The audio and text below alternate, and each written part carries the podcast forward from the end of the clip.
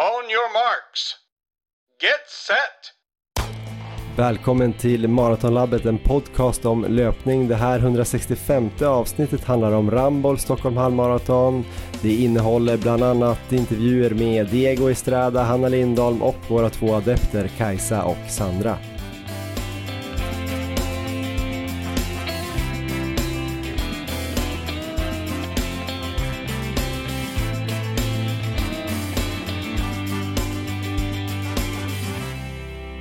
Ja men då ska ni vara varmt välkomna till avsnitt 165 av Maratonlabbet. Det är ett bonusavsnitt som ska eh, snacka ner Ramboll Stockholm halvmaraton som avgjorts här i Stockholm idag när vi spelar in. Vi sitter faktiskt i Berzelii park om ni tycker att det låter festligt eller konstigt. Med mig har jag som vanligt Erik Olofsson. Hur är läget Erik? Ja, men det är fantastiskt Johan. Jag har haft en helt otrolig dag här i Stockholm. Jag har följt loppet från sidan så jag har ju upplevt folkfesten Eh, dels kollat på era löpare och sen så varit i de här publikmassorna som var ute och hejade längs banan. Så äh, det var en riktigt rolig dag. Hur mår du? Jag mår bra. Jag har ju faktiskt sprungit eh, och känt på den här ganska tuffa banan tycker jag ändå i ganska tuff värme. Jag har ju varit med och försökt eh, hara då Kajsa Borman, en av våra två adepter till sub 90 idag. Ni ska få höra senare hur det gick för henne. Vi har också haft eh, adepten Sandra Nordenhage på startlinjen. Och så kan vi väl säga då att eh, det här avsnittet är också ett samarbete då med Rambo Stockholm Halvmaraton och Maratongruppen samt Adidas. Eh, väldigt kul arrangemang var det ju. Erik, först och främst då, eh, ditt totala intryck. Du var inne på det lite innan att du haft en bra dag, så här, men vad, vad kände du? Ganska kul eh, loppen då. Ja men det är det verkligen. Jag har ju sprungit här eh, själv ett par gånger och senast som jag sprang för fullt var väl 2019. Och då var det ju inte riktigt lika varmt som det var denna dag så att eh, det kände man väl där på sidan här vid starten. Jag stod och hejade på några adepter jag hade där strax innan start och stod och kollade kanske 400 meter eh, in på banan ungefär och där var det ganska stekande sol så att man kände väl att eh, det är tuffa förutsättningar idag. Samtidigt så är ju det också Eh, väldigt positivt för hela arrangemanget att eh, det blir en folkfest, folk är ute och hejar och stämningen blir otrolig. Så att det är, det är både plus och minus där. För, för publiken och för hela arrangemanget så är det väl egentligen bara plus Så det är väl de löpare som har kanske tider som, eh, som är ganska tuffa att klara. Om man har Eh, mål som man inte är riktigt helt säker på, då spelar ju värmen in och eh, det fick vi väl helt klart se här under dagen. Jag tyckte också att det var framförallt första milen, jag startade i startgrupp A där 15.30, det var väldigt, väldigt varmt i eh, startfållan kände man. Många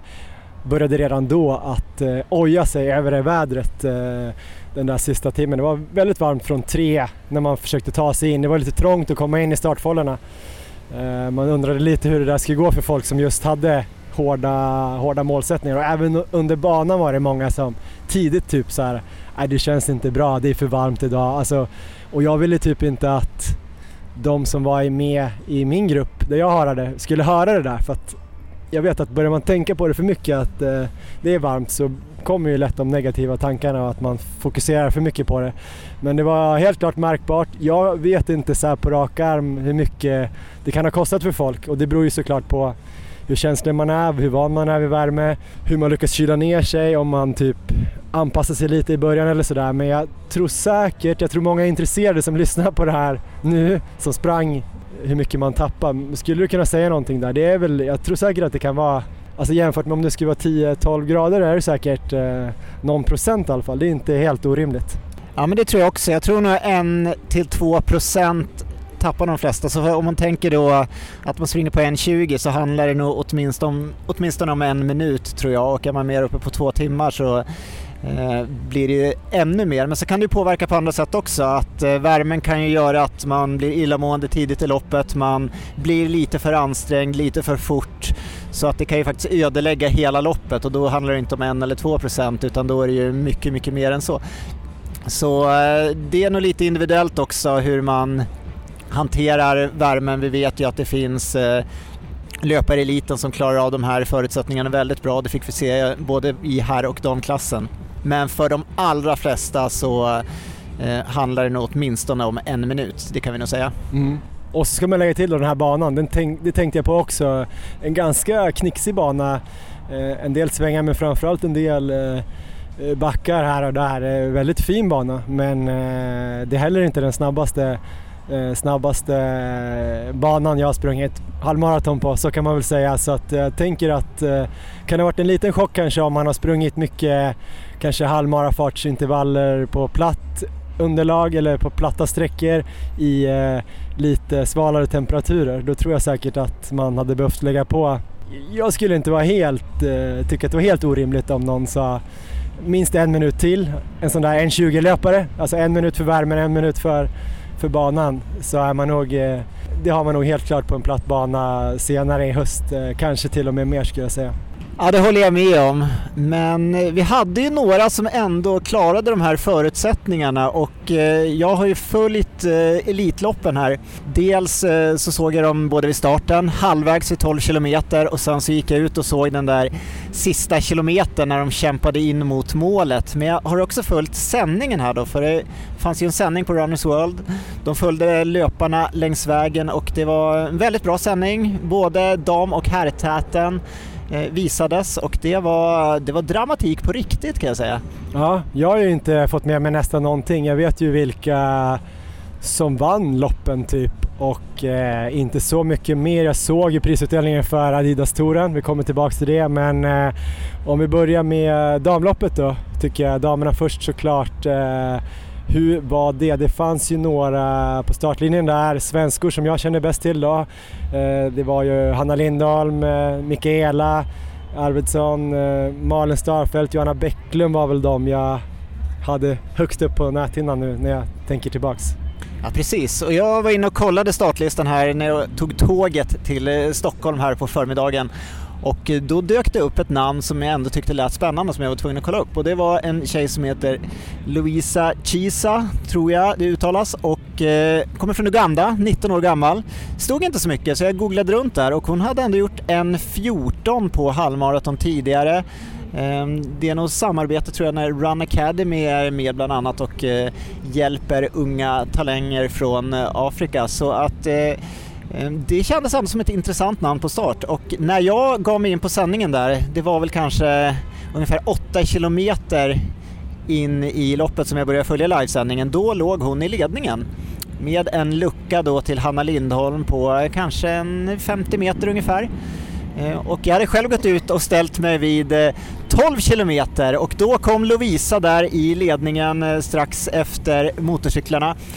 Men Hanna var ganska nära ändå så att eh, det kändes som att hon var på jakt och eh, strax efter så var hon också i kapp så att de sprang ihop där, Lovisa och Hanna fram till, eh, ja, fram till sista kilometern. Så att eh, jag kunde knappt eh, släppa ögonen där från livesändningen. Det var väldigt dramatiskt. De försökte båda rycka lite grann. Det var någon nedförslöpade, Hanna försökte gå om men Lovisa svarade. Och det stod och vägde fram och tillbaka.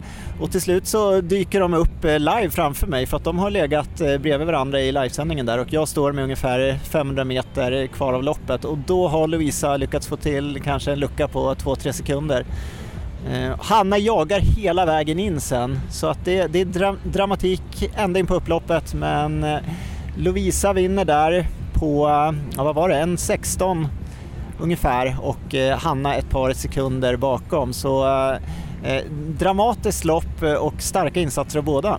Mm. Och eh, sen där bakom, eh, jag hörde bara, jag har fortfarande faktiskt inte kollat eh, riktigt, eh, men Malin Starfelt bröt hörde jag. Eh, Mikaela Arvidsson, var hon trea och Bäcklund fyra? Ja det stämmer. Mikaela såg eh, väldigt stark ut tycker jag. Hon kom in på 1.18 och eh, pratade lite med henne efteråt och hon eh, var glatt överraskad, har väl inte kunnat köra så mycket fartpass alls egentligen på slutet. Så, eh, väldigt bra insats och Mikaela siktar väl närmast på Lidingöloppet nu. Men eh, där har vi pallen. Det var väl det som var pallen i, även i Adidas-touren till slut eh, om jag inte har eh, läst på fel nu att Hanna vann ju, Mikaela var tvåa där. Men Hanna Lindholm då, tvåa idag men eh, segrare i Adidas-touren. Du fick prata med henne efter loppet och det lät så här. Då har jag med mig Hanna Lindholm strax efter eh, Stockholm halvmaraton här. Stort grattis till andra plats idag och seger i Adidas Running Tour. Tack så mycket. Om vi börjar med touren, vad tycker du om hela det konceptet och har det hjälpt med motivationen för att komma till start i de här tävlingarna under året? Eh, ja, det har absolut eh, hjälpt mig motivationen. Fast jag sprang i och för sig alla loppen förra året också tror jag. Men, eh, men det är absolut en morot och så är det roligare när det är fler som kommer till start också. Berätta om dagens lopp. Det var väldigt dramatiskt för oss som följde det från sidan. Hur upplevde du det? Eh, ja, men jag tog det medvetet ganska lugnt i starten för jag skulle ju bara försvara liksom Torsegen eh, och eh, då visste jag hon var ungefär 22 sekunder eh, före då, den här ugandiska tjejen Lovisa. Eh, jag kom väl ikapp efter 10 kilometer eh, och då försökte jag eh, rycka lite, skulle känna lite på henne men hon svarade ju direkt så då la jag mig bara bakom för att ja, men spara så mycket kraft som möjligt till slutet. Eh, det kändes som att hon var ungefär, ungefär lika trött som jag, men jag hade nog sämre ben idag. Berätta om den sista kilometern, för då gick ni ut där precis bredvid varandra. När eh, kände du att eh, du var tvungen att släppa?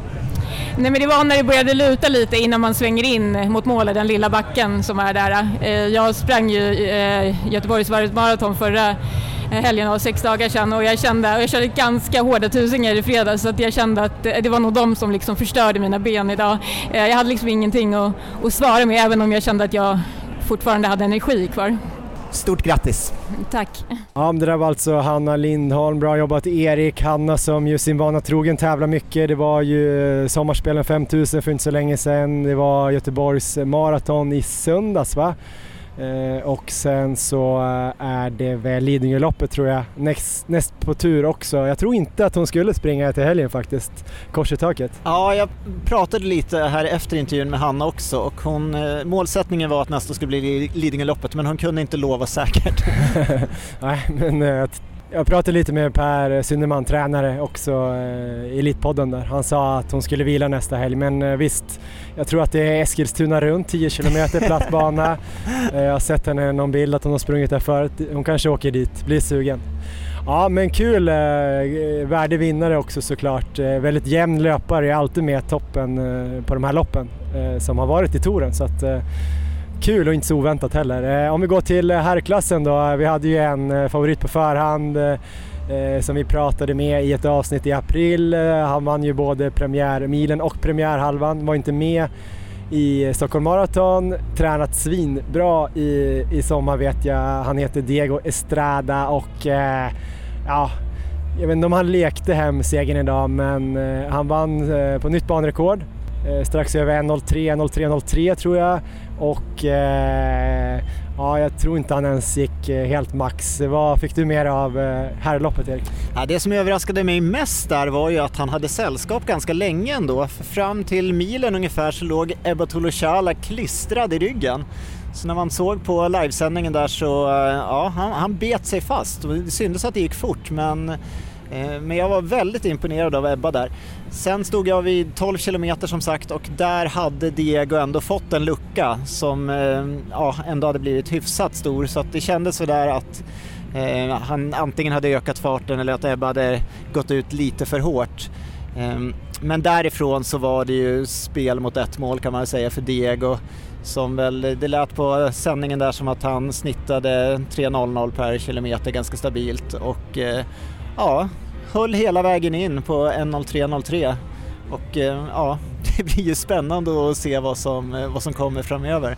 Ja, och i det här loppet sen ganska överraskande trea en eh, orienterare, en av svenskbröderna, eller hur? Och David sen fyra. Ja precis, det var väl Emil Svensk som var trea där, starkt på 1.06. Jag kan ju nämna sluttid på Ebba Tulichala också, jag tror det var 1.04.47 och med tanke på förutsättningarna och hur hårt han gick ut så var det nog ett riktigt bra formbesked. Så det blir spännande att se även där vad som väntar framöver. Och eh, ja, David Nilsson som fyra. Mm. En liten, eh, två parenteser kan jag säga där. Jag pratade lite med David, han har haft lite problem med eh, jag tror både en hälsena och ett bak, baklår, baksida lår, har inte kunnat träna för fullt men ja, verkar ju kunna springa halvmara ganska snabbt i alla fall så vi hoppas att han är i full träning snart och kanske kan springa någon, någon höst eller vintermara eller så. Kristoffer eh, Lås visade lite pulsdata från sitt lopp. Han hade väl kommit in på typ 1.11 eller något sa han och hade jag tror han hade typ 30-40 minuter i, i, i zon 5 så att där var det väl någonting som inte var hundra idag. Eh, han, han skrattade lite åt det bara. Men eh, en som då hade ett bra pass idag får man väl säga eh, var Diego Estrada. Han vann idag alltså, vann ju också touren och eh, vi fick en liten pratstund med honom efteråt. Så här lät det. Så nu står vi här med Diego Estrada. How was the race today? The race was really good. The atmosphere was very like electric. I think I had a lot of fun. I think the tour itself was just so much fun. People really came out and supported, and today was no different. The weather was a little warm, but once you got going, you didn't really feel it. So it was like, as the buildup was coming to it, and I saw the temperature, I was like, it's gonna be a rough one. But like, it seems like it just felt like it was overcast. So I had a really good experience, and I was quite happy to be a part of the tour. How did you feel about the, the course and the weather today? I think a lot of people were struggling, but not you. I think the older I've gotten, the better I've gotten in the heat. If I had run this race five years ago, I would have bonked. And I, I didn't feel the heat. And I think a lot of that has to do with just I've been in Flagstaff, I've been in California, and then I came here and it's been fairly warm for Sweden standards. So I think it was just another normal day. And and uh, also it's it's it's relative to the exertion, right? So if you're not emptying the tank, you're not overheating as much. So if you're in really good shape and you're not going all out, you can handle the heat a little better. So I think if I had gone all out, then maybe I would have had problems. But I think I was trying to stay under control. You said you're going to run next week again in Copenhagen. Are you going to do all, all out then? Yeah, that's the plan. I think uh, you never know. Like, I'm gonna go there and see how the rabbits are and everything. And I like to run a personal best. My personal best is from 2015 in January, so we're looking at almost what nine years. So I'm going there just with the whole purpose of getting a personal best, whether that be a second or more. And uh, yeah, so this today was just, you know, I, I didn't want to disrespect the competition, so I took it very serious. So like, I just took off and I said, if anybody can hold this and beat me, they deserve to win. So I respected everybody, but at the same time, I had towards the later stages of the race, I kept telling myself to make sure that I saved it for next week. And uh, how about the training this summer? We talked in April. I've seen you done some really cool things on Strava. What, what do you think? I, I think that it's just I'm really adapting to my coach's training. Johnny knows what he's doing, and he's gotten to know me. And to me, it's just it's been a revelation of how much it's it's like he's peeling down the layers, and like we're finding out that my body has a lot more to give.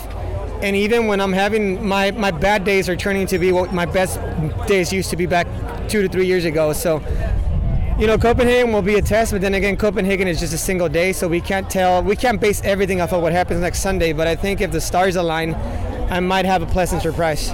And the dream about sub 27 is still alive. Yeah, no, definitely. I don't. I think I I discussed it with coach as soon as I got to Sweden, and I said nothing has changed. Like I'm getting stronger, and it's just looking like my body's leaning towards the marathon. But I still want to focus on the 10,000 next year. Like the thresholds are just so easy for me. Like I do them in trainers in the morning, and the pace keeps dropping. But I'm like, I just told him like, listen, coach, like you lead and I follow, and you just have to promise me you're not gonna let me run a marathon in the next two years. And he was like we're going to hop on the track and, and we're going to stick to the plan. And I think that for me, the marathon is an option, but it's just, it's a stupid option today because my body is not ready for it. The lungs can be ready, but my body's not ready. Thank you very much and good luck next week. Thank you, and I hope everybody had a good run today, whoever's listening today. And the weather was warm, so I hope you guys come off of it fine and uh, keep running. Ja, det där var alltså Diego Estrada som ju berättade för mig där att han eh, hade några procent kvar minst att ta ut idag om han hade behövt det. Han ska alltså springa Köpenhamn halvmaraton eh, nästa vecka, nästa söndag är det väl och då ska han gå för eh, personligt rekord. Eh, det kommer bli otroligt intressant att följa den jakten Erik. Ja, det kommer det bli. Där kommer det gå riktigt fort tror jag och nästan ännu mer spännande blir att få se honom i Lidingöloppet sen. Så ja, där har vi någon att ta rygg på Johan. Ja, verkligen. Han har ju tränat eh, superbra som han sa, var inne på lite grann. Han har ju varit i USA hela sommaren. Eh, fortsätter med det här eh, dubbeltröskelspåret som han har börjat med, med Janne Bengtsson. Som sagt, vill man höra mer om hur han tränar nu så kan man ju höra på det här eh, avsnittet som vi släppte typ 18 april om jag inte har helt fel. Eh, han gör ju en sista push här nu för att eh, eventuellt kunna kvala in då till OS i Paris på 10 000. Då måste han ju göra under 27 minuter tror jag på 10 000 och så måste han ju vara topp tre på uh, de amerikanska uttagningarna. Han, uh, drömmen lever. Tuffa papper men uh, vi får följa den resan och det är positivt för alla då som hade problem här i värmen under Stockholm halvmaraton att det kan ändå bli bättre med åldern. Och på tal om tuffa papper då, jag ska bara säga hans pers på halv, halvmaraton, det är några år, har några år på nacken. Det är alltså 1.0051 så vi kan väl se där om han eventuellt till och med går för sub 60 om det är bra förhållanden i Köpenhamn. Diego vann ju också då touren som vi sa för eh, David Nilsson och eh, Axel Djurberg tror jag knep tredjeplatsen eh, med tanke på låsresultat idag. Eh, kul det där med touren Erik. Eh, eh, det känns som att det har blivit lite hetare att vara med på alla de här loppen. Det tror jag också. Det har nog lockat många av de här att komma till start i, i fler lopp och det är, det är roligt. Man vill ju se de eh, bästa svenska löparna i alla de här fina loppen vi har här. Så, eh, så det var ett väldigt roligt tillskott måste jag säga och spännande att uh, följa totalställningen. Ja verkligen, också spännande att följa våra adepter här under sommaren Erik. Det har ju varit lite fram och tillbaka kanske med Kajsa och hennes uh, känning i vristen. Uh, om vi börjar där med Kajsa då, hon fick ju till det på slutet Igår eh, kväll, alltså fredagskväll eh, eller eftermiddag var han hos en fysio och fick ultraljud. Eh, visade att det var inga skador på vare sig ben, eh, eh senor eller muskler. Hon var klar för start, var riktigt taggad och ville jaga sub 90 idag eh, trots värme då. Vad tycker du först om eh, den ambitionen att ändå bara köra på sub 90 fast det blir varmt och så? Ja, men jag gillar det. Jag, jag tycker det är helt rätt. Eh, Kajsa har hög kapacitet och eh, hon har ju farten i sig så att det är ju det var ju uppladdningen här då som var lite oroväckande men det kändes ju tryggt ändå att få det här beskedet Eh, dagen innan så att hon, jag tror hon kunde slappna av lite själv och springa och inte vara lika orolig över den biten i alla fall. Även om det säkert var ganska nervöst ändå. Hon var ju väldigt taggad eh, när jag träffade henne inför start eh, och, och, som sagt glad för att hon kunde springa och det kändes som hon bara hade något att vinna och ingenting att förlora. Eh, jag ska inte gå igenom så mycket hur det gick för att vi ska få höra henne såklart och eh, vi kör väl igång den intervjun nu. Här är Kajsa Bårman efter hennes lopp här på Rambo Stockholm halvmaraton. Ja, då har vi Kajsa Bårman här framför oss eh, efter Rambo Stockholm halvmaraton. Sub 90 var i målet, du skulle gå för det, din vrist var hel, allt var perfekt, du älskar värme, eller hur? Och eh, hur gick det? Jag älskar inte värme kan vi väl konstatera. Värmen var väldigt jobbig. Jag mådde typ illa eh, från 5 kilometer till 12 kilometer ungefär. Så det var väldigt jobbigt. Men sen så fick jag is som jag stoppade i min keps och då gick det mycket bättre. Men det slutade med tiden 1.31.51 och den är jag väldigt nöjd över utifrån förutsättningarna. Jag gav verkligen allt jag kunde idag. Men om vi börjar från början då kanske. Det var ett litet gäng som sprang med dig, bland annat din eh, sambo Viktor, eh, Anders från Fredrikshof, jag och också några andra som hängde på där. Eh, hur upplevde du starten i, början där? Liksom första fem kändes ju ganska stabilt tyckte jag. Mm. Nej men det började med lite stress att vi inte riktigt hade koll på vart vi skulle möta dig och resten av dem som skulle bli pacade så det kändes inte som att det var optimal liksom, uppladdning de sista 15 minuterna för då var det lite stressigt. Men sen när vi startade där och äntligen hade hittat dig så det var lite trångt i början men sen kändes det bra och farten kändes, ja men eh, det kändes bekvämt. Eh, så inledningsvis kändes det som det här kommer gå superbra, jag kommer klara sub 90. Jag tror att vi hade första fem ungefär på 21-20 lite drygt så vi var ju nog ganska exakt på tiden där. Eh, sen andra fem där på eh, bland annat då på Kungsholmen så eh, kändes det som att kanske någonstans vid 8-9 att det började bli lite mer ansträngt. Hur kände du dig? Det var superansträngt, det kändes som att eh, jag sprang ju där Kungsholmen runt precis innan jag började tränas av er och det var ju lättare den gången jag körde milen, alltså känslan, än vad det var nu och det kändes inte bra. Jag tänkte jag kommer typ behöva bryta. Eh, men försökte ändå tänka att det kan gå över, det kan gå över. Men det kändes väldigt eh, jobbigt och tungt och eh, inte alls så som jag hade tänkt att det skulle kännas där. Och hur var det? Blev det liksom någon panikkänsla eller kunde du typ på något sätt slå bort det och ja, hur tänkte du? Jag tänkte att det kan vända, men eh, jag får ta det som det kommer. Det funkar ju fortfarande att springa, även om jag kände att jag tappade ju både dig och Anders som låg lite längre fram och det var jobbigt att se att ni bara avståndet mellan oss blev bara längre och längre. Och Viktor frågade mig som sprang med mig bara, vad är det som händer? Och jag var så ansträngd där att jag inte överhuvudtaget ens kunde svara. Det var skitjobbigt just där. Du bet ju i alla fall fast hyfsat. Jag vet att jag kollade bak och så bara, men hon släpper inte riktigt. Nu ligger hon ungefär samma, samma avstånd bakom hela tiden och jag hade ju sagt till folk att jag skulle hålla 4.15 och då var det fortfarande folk i klungan som var kvar. 42.30 typ exakt hade jag på 10 kilometer så du hade kanske 42.35 så då såg det ändå väldigt bra ut. Sen hände det någonting mer drastiskt, eh, ta sig igenom mellan kanske 10 och 12 kilometer. Mm, där blev det väldigt tufft. Jag kände att jag, jag började få håll vid typ fem och hållet bara blev värre och värre. Jag mådde mer och mer illa också. Så fick jag is vid typ 11-12 och började lägga in det typ i sport och jag hade också fått tips om att lägga det liksom vid vrist, vid, vad heter det, vid, eh, ja, vid handlederna. Men jag började bara mer och mer illa och vid Guldbron så började jag säga okej okay, nu kommer jag börja spy. Så då började jag få upp spya i liksom munnen och kände nu är det bara, nu kommer jag typ behöva bryta. Eh, det var riktigt jobbigt. Men sen så sa Viktor, nu lägger vi in is i din keps och då hände det något magiskt och jag började må bättre igen och kände att okej, okay, jag har ändå en chans att kunna ta mig i mål på en tid som känns okej okay, liksom. Ja, Guldbron, då var inte du den piggaste versionen av Kajsa som jag har sett jag mådde riktigt illa och eh, ja, som sagt, det var nära på en eh, spya där på Guldbron. Men du sparar den i munnen, härligt. Eh, 10 till 15 så var det märkbart tapp i tid men sen hände det någonting igen.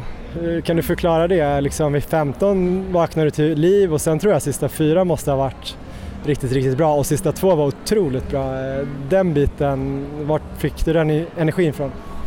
Nej men det var en sån lättnad när illamåendet började släppa och jag kände så här, men vänta nu, det hade, jag hade haft så mycket håll och eh, det hade varit så jobbigt att jag hade svårt att jag hade nog tänkt det kan hända att jag får håll för det har hänt förut och tänkt så här, men då försöker jag tänka bort det och liksom tänka på att jag känner mig stark i benen eller liksom försöka att liksom andningen känns bra och så.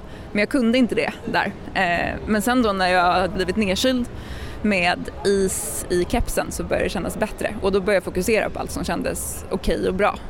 Um, och bad om väldigt mycket vatten också från er, det var ju väldigt bra. Det var verkligen så här, Viktor tog två muggar vatten och så tog du Anders två muggar vatten och så skrek jag bara släng det över hela mig liksom och det hjälpte väldigt mycket eh, när jag höll mig mer nedkyld. Eh, så jag märkte att det var viktigt och sen fokusera på det som kändes bra och tänka att jo men jag kommer orka det här. Ja, det tror jag var höjdpunkten på hela dagen när jag fick eh, kasta vatten på de sista två, tre vattenstationerna.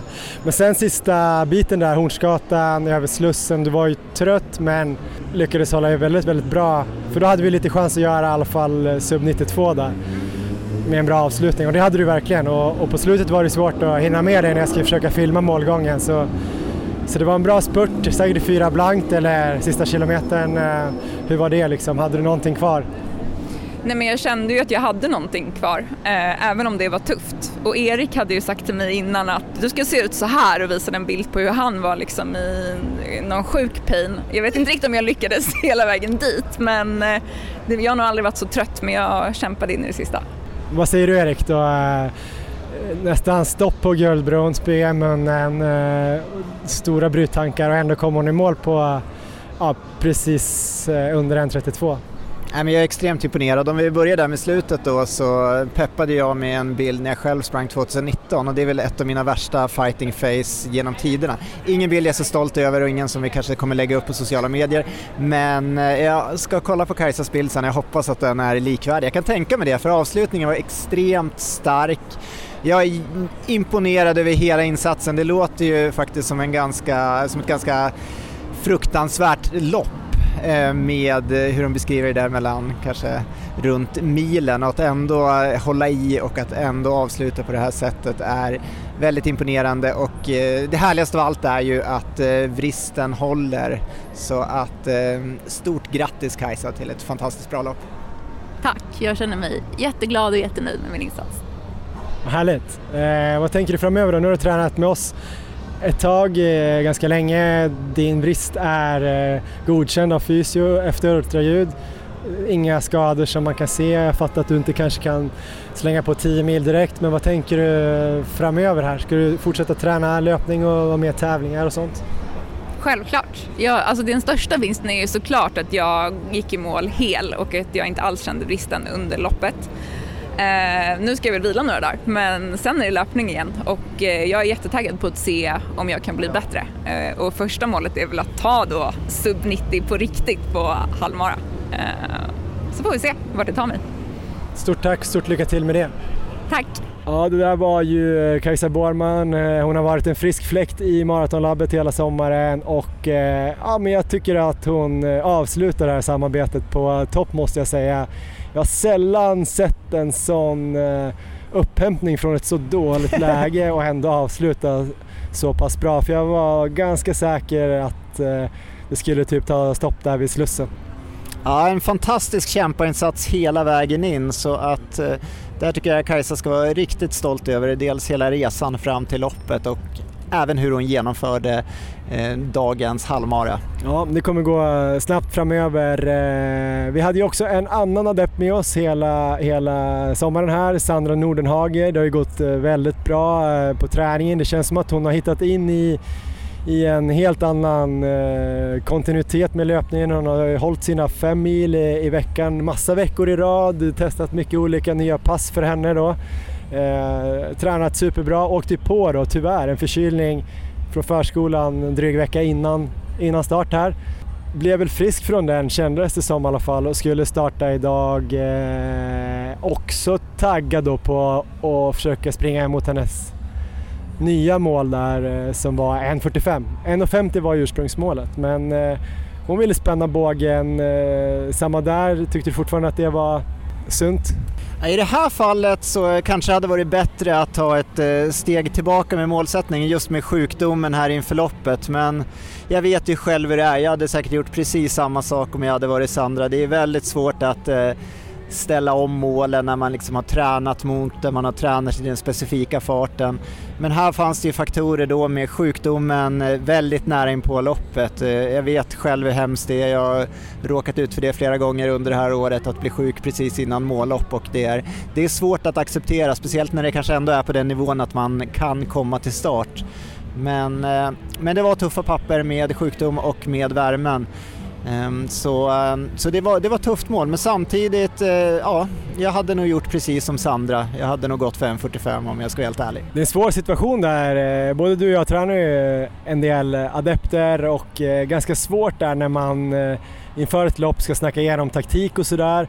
Man har tränat för ett visst eh, specifikt tidsmål. Det händer någonting, antingen att det blir så väldigt, väldigt varmt eller blåsigt eller en sjukdom eller en liten smärta i något ben på slutet så man har missat något pass. Adepten vill fortfarande kriga för det där de drömmer om och man själv känner kanske så här, det är på gärdsgården, eller det finns kanske en procents chans. Alltså nu säger jag inte det här om just Sandra, jag vet inte vad procenten var på förhand men jag menar generellt har jag varit i den situationen nu några gånger. Det är svårt att kliva in och släcka den drömmen samtidigt som man inte vill att folk ska liksom få smärtsamma och tråkiga upplevelser och vara långt ifrån sina mål. Hur, hur brukar du tänka där? Ja, till att börja med får man se hur, hur, tufft målet är, för det kan ju variera. Ibland så kan man känna redan på förhand att det här målet är precis på gränsen. Andra gånger så kan man ju ha haft en så pass bra träningsperiod att det känns ganska tryggt att man ska klara målet.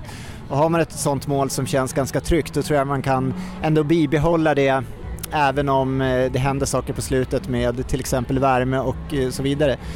Men just om man redan från början ligger på gränsen och det kanske både är en och eh, två faktorer som gör att det känns lite tuffare, då kan det vara bra att skruva ner målsättningarna lite grann. Så att det är så jag brukar tänka och prata med mina adepter, att jag Eh, försöker, försöker se på målet från början, vart vi låg och eh, vad som är bäst. Men sen så, det kan ju helt enkelt vara så att det är ett drömmål som man har jagat länge och då, då kanske det bara är 5-10% chans att man ska klara det i slutändan men det kanske är värt att gå ja, för det och gambla om, om det är det som, som eh, är liksom det motiverande och eh, det som eh, personen vill ha. Precis, man kan ju vara olika lagd där om man vill göra det bästa loppet som man kan göra just den dagen eller vill man ta den lilla chansen och så funkar det ett lopp av tio eller två av tio och då blir man väldigt glad och glömmer de andra loppen då, då är det lika bra att köra. Men med det sagt så ska vi prata lite med Sandra Nordenhager. Här kommer hon. Ja, nu står vi här med Sandra Nordenhager efter Ramboll Stockholm halvmaraton. Hur är läget Sandra? Eh, det är sådär just nu. Det känns riktigt tråkigt att jag behövde bryta så eh, eh, just nu är det lite, lite, lite jobbigt måste jag säga. Ja, vi backar bandet där lite grann då. Du har haft en förkylning här inför. Annars har träningen sett väldigt bra ut hela sommaren men eh, när du ställde dig på startlinjen idag, vad tänkte du då? Nej men eh, som du sa, jag har ju haft en jättebra träningsperiod, hållit mig skadefri, varit helt frisk och känt att allting har gått väldigt mycket enligt plan. Jag fick en förkylning förra veckan och eh, inbillade väl mig själv att jag var av med den här i slutet på veckan men eh, kände någonstans redan på uppvärmningen idag att eh, så inte var fallet och jag bestämde mig ändå för att starta. Gick ut i den farten som var tänkt och höll i det några kilometer men eh, kände ganska snabbt att kroppen inte var med. Det var halsen och bröstet som gjorde ont och ja, jag hade ingen kraft idag helt enkelt och insåg att jag var nog inte helt frisk och det var inte värt att pusha mer än vad jag gjorde. Hur långt kom du innan du klev av? Eh, jag kom fem och en halv kilometer. Och då sprang ni i 5.00 fart fram till dess eller? Ja, jag tror att vi tappade några sekunder på slutet där när jag började säga till min farthållare att jag inte mådde bra. Eh, och eh, hon hade hört från mig innan att om jag säger att jag, inte, att jag är trött så ska du bara skita i det. Men hon, eh, i efterhand så sa hon att hon hade vänt sig om och sett att jag var likblek i ansiktet och eh, höll på att svimma. Så eh, det var nog ett tecken på att det inte var något som stod rätt till.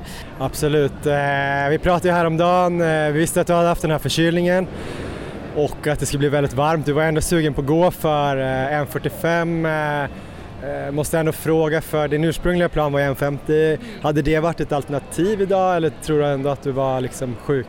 1.50 hade inte gått idag heller. De passerade mig, precis när jag valde att bryta så hade 1.50-gruppen eh, passerat. För det som hände var att jag bröt, semibröt en gång och sa till Julia att nu får du fortsätta springa. Sen så fick jag någon form av eh, men skärp dig Sandra-tanke och försökte springa en kilometer till.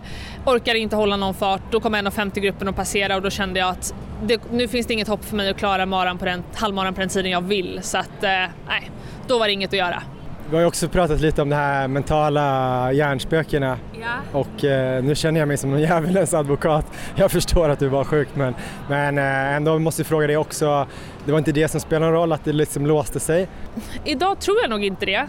Eh, många andra lopp det här året har det ju varit det som har spökat. Nu tror jag kanske att det var att min kropp bara inte var där. Um, men det är svårt att säga. Kanske att jag um, hade lite på känn innan att det skulle bli väldigt, väldigt tufft slash omöjligt och att det är möjligt att det kanske påverkade lite. Men uh, jag är ganska säker på att det var min kropp idag som spökade och inte huvudet. För en gångs skull.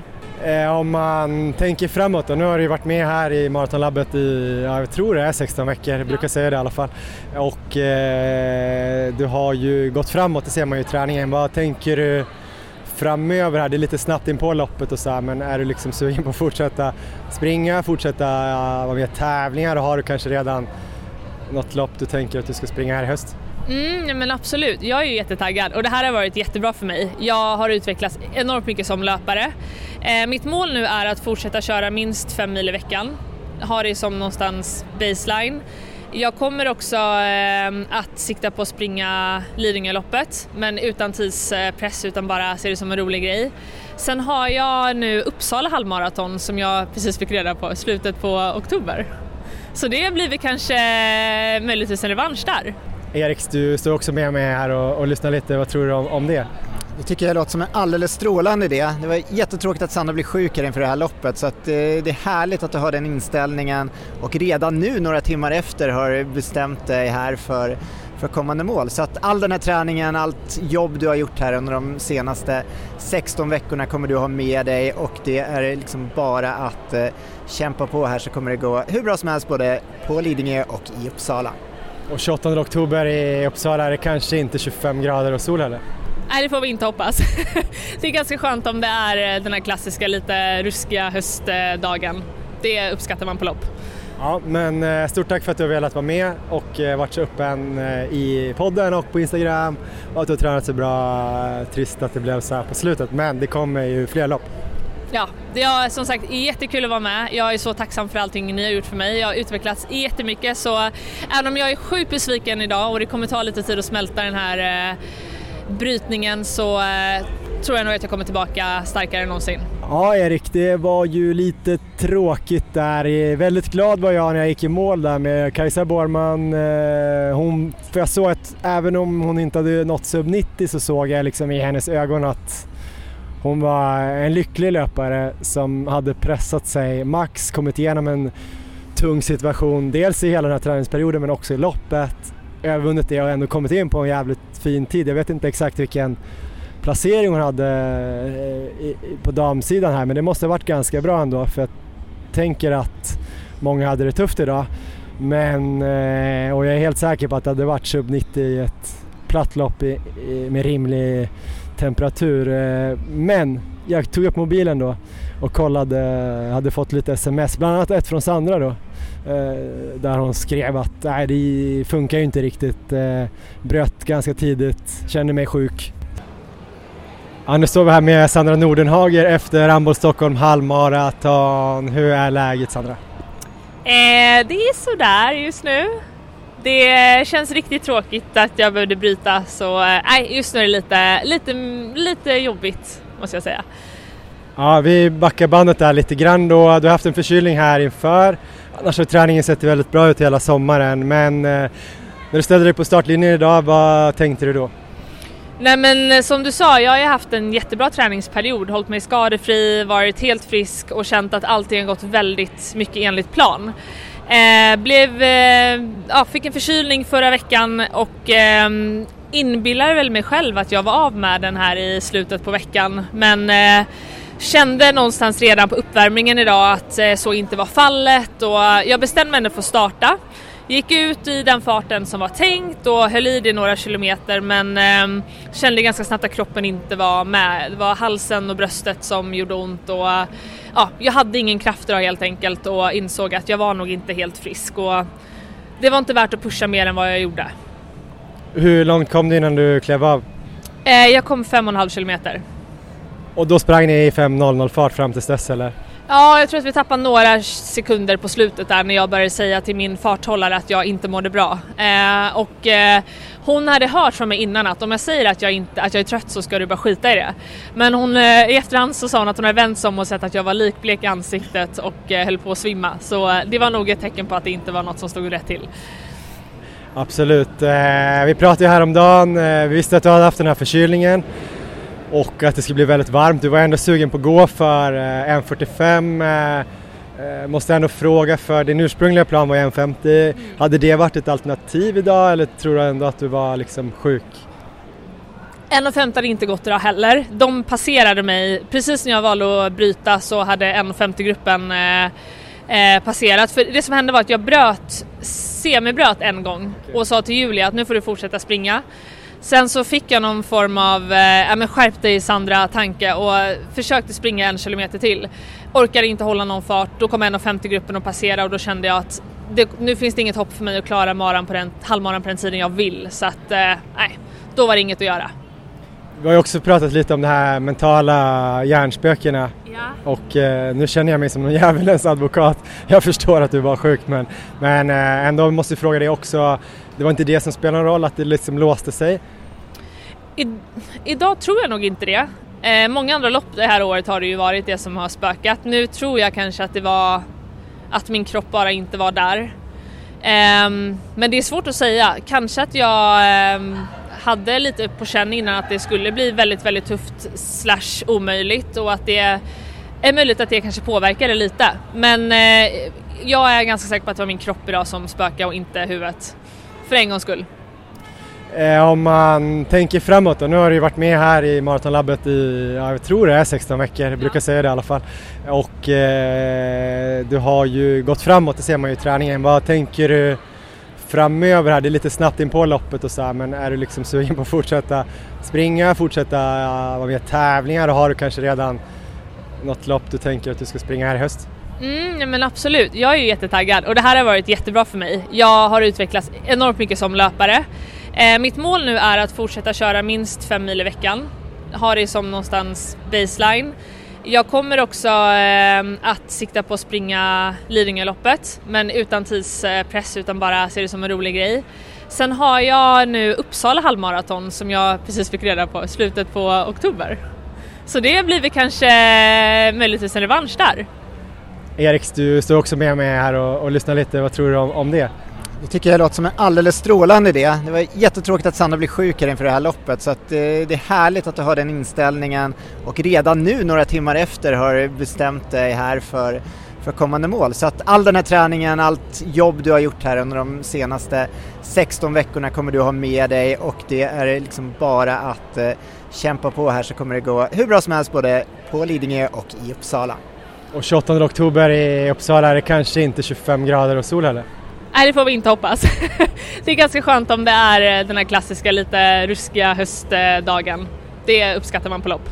Ja, men eh, stort tack för att du har velat vara med och eh, varit så öppen eh, i podden och på Instagram och att du har tränat så bra. Trist att det blev så här på slutet, men det kommer ju fler lopp. Ja, det är som sagt jättekul att vara med. Jag är så tacksam för allting ni har gjort för mig. Jag har utvecklats jättemycket så även om jag är sjukt besviken idag och det kommer ta lite tid att smälta den här eh, brytningen så eh, tror jag nog att jag kommer tillbaka starkare än någonsin. Stort tack! Tack så mycket! Snyggt! Ja. Så det var trist, men nu har jag fick höra hennes berättelse det var väl ändå kanske rimligt såklart att bryta med de känslorna och hennes pacer där, Julia, hade ju sett att hon var helt blek i ansiktet och hon såg lite glans ut på ögonen tyckte jag nu när vi träffade henne efteråt också så jag tror att hon har någon förkylning kvar där. Ja, det är nog ingen tvekan om att eh, sjukdomen var det som satte stopp den här dagen tyvärr så att det var ju jättetråkigt. Sandra har gjort ett fantastiskt jobb här eh, under en väldigt lång period och det kommer hon ha med sig framöver. Jag är helt övertygad om att hon kommer kunna springa under subben 45 snart och eh, utan sjukdomen så hade hon haft goda möjligheter att göra det här, det här idag också. Så det, var, det var starkt att komma till start och det var jättetråkigt att eh, det slutade som det gjorde men som hon beskrev det efteråt så eh, förstår jag att hon bröt det här loppet. Det hade liksom inte gått att kämpa sig igenom och det hade inte, det hade inte varit värt en sån här dag. Det kanske till och med hade varit lite farligt. Man såg en hel del personer ändå där vid målgången som var rejält tagna av värmen och har man då dessutom varit sjuk inför så, så eh, då är det nog rätt läge att bryta. Absolut, hon kommer igen som du säger. Båda snackar här om att, att göra nya halvmaraförsök senare i höst och det kanske blir några millopp och så här. Så det ska bli kul. Vi kan väl följa dem lite grann från sidan av och kanske rapportera här i podden eh, hur det går för dem. Eh, till exempel då våran adept från i fjol, Big Mike, Mikaela Bergman, missade ju tyvärr en varm dag på Stockholm Marathon sitt mål på 3.30 men körde på och krossade det i Valencia sen och sprang väl på 3.24 om jag inte missminner mig så att eh, jag tror att det här var bara början.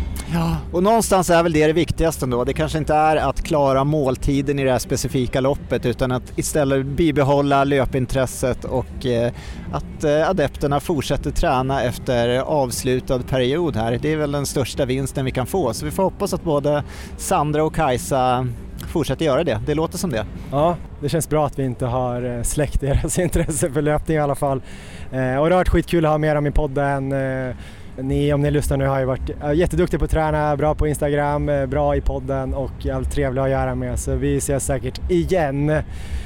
Eh, innan vi slutar och rundar av det här Erik, ska vi också få höra en liten röst från eh, arrangörshåll. Jag tänkte att eh, det hade varit kul att ta lite tempen på arrangörerna här. Det är maratongruppen som, som kör Rambo Stockholm halvmaraton och vi fick tag på Eh, Sebastian Wallin, eh, här kommer han. Ja, nu har vi eh, haffat Sebastian Wallin här från Maratongruppen. Välkommen till Maratonlabbet. Tack! Vi står här då mitt under slutet kan man väl säga av Rambo Stockholm halvmaraton. Det har varit en varm dag med många löpare. Hur är känslan från ert håll? Nej, men det känns jättebra. Alltså det är ju först och främst det blir lite revansch från förra året där vi hade eh, riktigt dåligt väder. Eh, eller åtminstone precis vid start så öppnade ju himlen sig. Eh, nu var det ju snarare tvärtom. Klarblå himmel, strålande sol, 25 grader varmt. Så för oss som stod vid sidan så var det ju kanon. Men jag kan också förstå löparna ute på, i, eh, på banan att det var i varmaste laget. Men eh, ja, det är svårt att få eh, optimalt för båda så att vi är väl eh, vi är supernöjda. Det känns, känns jättekul. Drygt 14 000 anmälda och nu hörde vi någon siffra på drygt 11 000 som faktiskt kom till start. Eh, är ni nöjda med det? Ja, supernöjda. Alltså det är jätte, jätte, jättefina siffror. Det, det ska vi inte sticka under stolen med. Så jag, jag är supernöjd. Eh, framförallt så är det ju, alltså, det är ju en ny spelplan efter pandemin, så ser det ut för motionsloppen. Eh, och att, eh, Nej men att vi är tillbaka på så höga nivåer här. Eh, vi nu ska vi se, jag tror ju att vi hade, om jag inte är fel på det, så hade vi 11 000, alltså lika många som startade idag hade vi anmälda förra året. Eh, och sen är det alltid lite liksom, ett gäng som inte kommer till start. Så det känns ju, eh, känns ju riktigt, riktigt bra. Jag tror att det här är största sedan 2016. Jag ska inte svära på det, men jag tror det. Vilket är väldigt, väldigt bra. Eh, om man kollar på eliten så var det här också finalen på den här eh, Adidas-touren eh, där Diego Estrada och Hanna Lindholm blev premiärvinnare av hela touren. Hur har den här touren känts för er? Nej, men det har känts superkul. Alltså, så här, jag, jag eh, har ju varit med i, i loopen på det här hela tiden sedan vi startade egentligen och det var ju ett syfte att liksom försöka höja svensk elitlöpning, eller höja den. Vi är ju, det är väldigt kul för nu är det ju verkligen på uppgång både på korta och långa distanser. Eh, men att också göra någonting för att uppa det på något sätt. Så att nu då till exempel har vi kunnat livesända alla fyra loppen. Normalt sett är det ju bara maran av de som är med som, som har kunnat livesändas. Men nu har vi fått både premiärmilen, premiärhalvan och Stockholm halvmaraton. Och eh, sändningen idag såg kanon ut och idag var det återigen då med väder och det är stadslopp och sådär, det blir ju en annan inramning och jag tyckte vi fick till det riktigt, riktigt bra. Eh, och sen givetvis för löparna att ett, ännu liksom ett incitament att springa våra lopp men också få tävla mot varandra och jag, jag hoppas och att de tycker att det är liksom en kul krydda. Eh, och förhoppningsvis så kan vi komma tillbaka och göra det här nästa år igen eh, och att fler är på tåget då. Det har ju varit då eh, Adidas premiärmilen och Adidas premiärhalvan eh, Stockholm Marathon och eh, Stockholm halvmaraton och ska jag förtydliga. Eh, en kittlande tanke för oss motionärer också. Hade ju varit kul att kunna kanske eh, utmana en granne eller eh, en annan rival eller någon eh, jämnårig på de här fyra loppen och inte bara tänka, för man kan ju vara bra på milen eller maran eller halvmaran, att det kan vara kul att tävla. Något som skulle kunna komma för, för alla framöver. Ja, verkligen. Eh, vi, är i, vi är ju redan såklart i diskussioner om hur vi ska göra nästa år. Eh, jag vågar inte lova någonting eh, nu på, på stående fot här att, allt, att det blir av nästa år, men det mesta tyder väl på det, så jag hoppas verkligen att vi kommer tillbaka och kan bredda produkten ännu mer. För det måste givetvis inte bara vara en, en elitprodukt på något sätt, utan jag hoppas vi kan, kan bjuda in motionärerna också och kanske Ja, vi skulle kunna tävla i åldersklasser kanske, eller vad vi kan tänkas hitta på. Så vi får se, man får hålla ögon och öron öppna här så eh, kommer vi med mer info under hösten. Stort tack Sebastian! Tack så jättemycket! Ja, det känns som att eh, de är nöjda. Det var mycket folk som sprang idag, mer för varje år nu efter eh, pandemin och det jag tyckte var intressant eh, var ju det här att han öppnade upp. Eh, lovade verkligen ingenting. Vi får väl se vad som händer men kanske någon typ av eh, tour även för eh, ja du är ju typ SM-löpare, men för oss glada amatörer, man kanske kan tävla typ i herrar 40 nästa år i touren. Det hade varit ganska eh, kul tror jag. Jag tror att det skulle vara spännande. Jag tycker det låter som en strålande idé så att jag hoppas att eh, det jobbas vidare med den. Och eh, ja, det... Eller att man eh, utmanar då någon granne eller någon på jobbet att man springer alla de här och så kanske man har lite lättare för premiärmilen än för maran eller tvärtom men då kan man ju liksom tävla på samma villkor på något sätt. Så ja, det skulle vara, vara kul. Men eh, det var väl ungefär det vi hade från det här eh, loppet idag. Jag tycker att det var som alltid när det är stora lopp i, i, i, i Sverige eller i Stockholm då, där vi kanske har lite närmare till så får man jävligt mycket energi av en sån här dag, eller hur Erik? Ja, men det här är de, de bästa löpdagarna på året, riktiga folkfester, så vi kommer tillbaka nästa år. Ja, och eh, stort grattis till alla som sprang, att ni fick springa ett sånt fint lopp och eh, förhoppningsvis gjorde det bra. Eh, vi ses på något annat lopp här framöver. Kul att se så många glada och ja, men heja och snacka lite med några av våra lyssnare. Jättekul! Tack för idag! Tack Erik!